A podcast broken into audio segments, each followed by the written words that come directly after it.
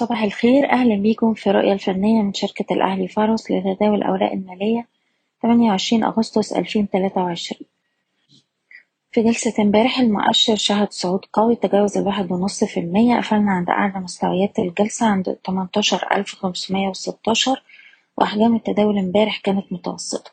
قدرنا امبارح نتجاوز مستوى المقاومة الرئيسي والقمة التاريخية عند 18400 وده أعلى مستوى من أبريل 2018 السعودي امبارح كان مدعوم بأداء البنك التجاري الدولي وعدد من الأسهم القيادية لكن محتاجين طبعا إغلاق شهري أعلى مستوى المقاومة الرئيسي 18400 مع تحسن مؤشرات صحة السوق.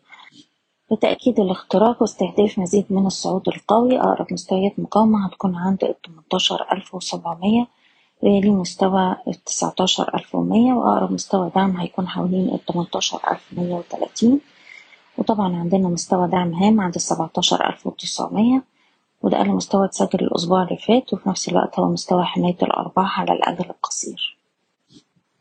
على الأجل القصير بنصح بالاحتفاظ برفع مستويات حماية الأرباح لأقل مستويات اتسجلت الأسبوع اللي فات.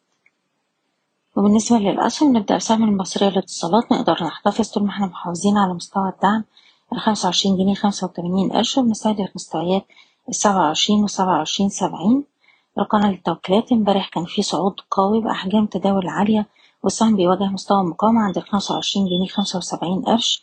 تأكيد اختراق المستوى ده الأعلى هيفتح لنا طريق لمستويات السبعة وعشرين والتمانية وعشرين جنيه. وبالنسبة للسي آي بي مازال مستهدفات عند الخمسة وخمسين جنيه وربع يلي مستوى الستة وخمسين جنيه وأقرب مستويات دعم هتكون حوالين اتنين وخمسين جنيه ونص. سهم كريدي أجريكول بيقترب من مستوى مقاومته الخمستاشر جنيه وأربعين قرش بنتوقع اختراق المستوى ده لأعلى وفي الحالة دي بنستهدف مستوى السبعتاشر جنيه. وأخيرا أوراسكوم كونستراكشن بنستهدف مستويات المية تسعة وعشرين جنيه. وباختراقها المية خمسة وتلاتين جنيه وده طول ما إحنا محافظين على مستوى الدعم الهام المية وخمستاشر جنيه. أقرب دعم جلسة اليوم هيكون حوالين المية وعشرين جنيه. بشكركم بتمنى لكم التوفيق.